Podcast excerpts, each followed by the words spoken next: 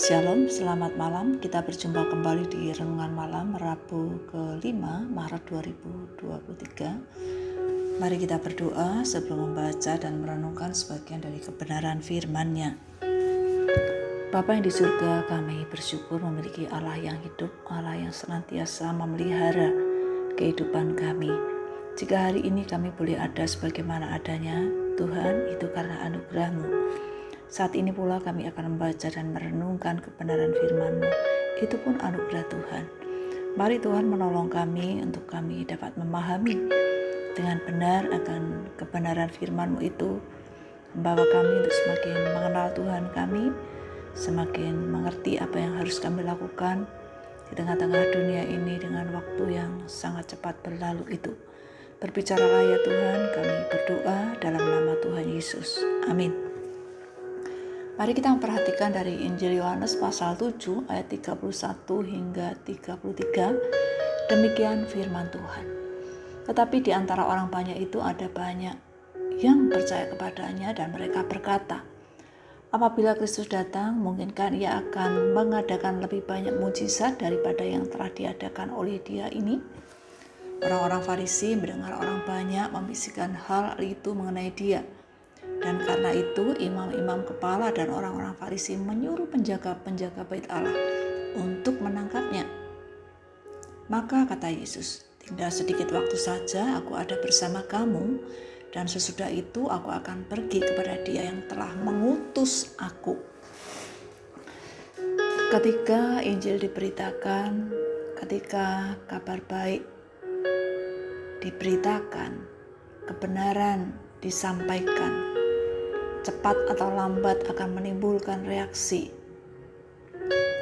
Pada waktu itu, dari antara orang banyak yang mendengarkan kesaksian Yesus, ada yang menolak, menentang, ada juga yang menerima, percaya bahwa Yesus adalah Juru Selamat yang mereka nanti-nantikan. Reaksi mereka yang percaya mengatakan bahwa tidak ada yang dapat melakukan yang lebih besar daripada yang Yesus lakukan. Mereka percaya karena melihat bahwa Yesus melakukan yang tidak dapat dilakukan oleh siapa pun. Sehingga mereka memiliki pengharapan bahwa ketika Yesus datang, akan melakukan lebih banyak mujizat atau tanda atau keajaiban sebagai bukti bahwa Yesus adalah Mesias. Kita sebagai orang-orang percaya di zaman ini patut bersyukur kepada Allah. Jika kita percaya kepadanya, itu merupakan anugerahnya. Sudah banyak yang Allah nyatakan dalam hidup kita hingga saat ini. Ia telah mengajarkan bahwa dia adalah sang juru selamat. Sehingga kita memiliki pengharapan dalam keadaan apa pun. Memiliki penjaminan yang pasti di dalam Kristus. Oleh sebab itu, marilah kita meresponi apa yang Allah katakan melalui kebenaran firman-Nya yang setiap saat kita bisa dengarkan. Sehingga iman kita berbuah seturut dengan kehendak Tuhan. Iman kita dikuatkan. Di antara orang banyak, pada waktu itu ada para penguasa orang-orang Farisi dan imam-imam. Mereka khawatir bahkan marah setelah mendengar respon dari orang-orang yang percaya. Kemarahan itu mereka nyatakan dengan memerintahkan para penjaga bait Allah untuk segera menangkap Yesus. Melihat sikap mereka yang demikian, Yesus pun memberitahukan bahwa hanya sebentar dalam waktu yang singkat hingga sedikit waktu lagi Yesus bersama mereka karena tidak lama lagi Yesus akan menderita dan mati di atas kayu salib. Kemudian saatnya akan tiba ketika mereka mencarinya bukan untuk menangkapnya, tetapi untuk mendapatkan apa yang dapat Dia berikan. Yesus pun juga memberitahukan bahwa ia akan kembali kepada Allah Bapa yang telah mengutusnya. Jika kita melihat kehidupan kita masing-masing sampai saat ini, tentu tidak ada seorang pun yang mengetahui bahwa waktunya akan tiba Waktu dalam kehidupan ini tidak ada seorang pun yang mengetahui kapan selesainya.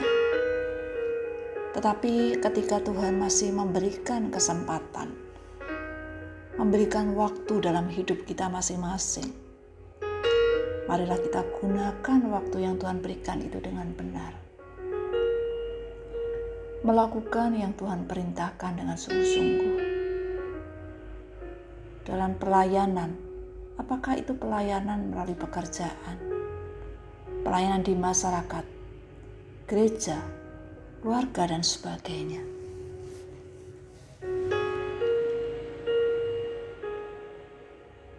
Mari kita berdoa.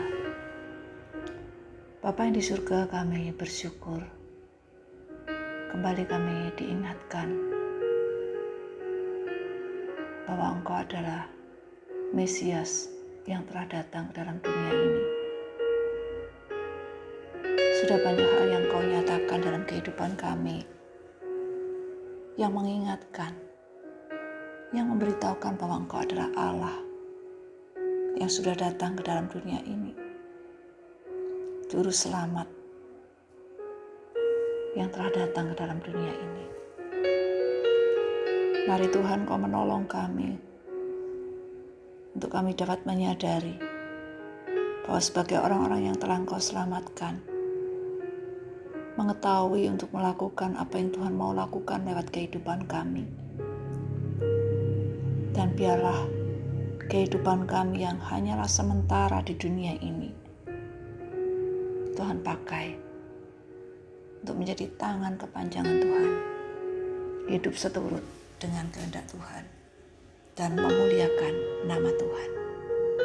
Terpujilah namamu ya Tuhan. Kami berdoa menyerahkan perjalanan kehidupan kami hanya kepada Tuhan Yesus, Sang Pemilik hidup kami.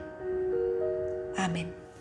Bapak Ibu sekalian, selamat malam, selamat beristirahat. Tuhan Yesus memberkati. Amin.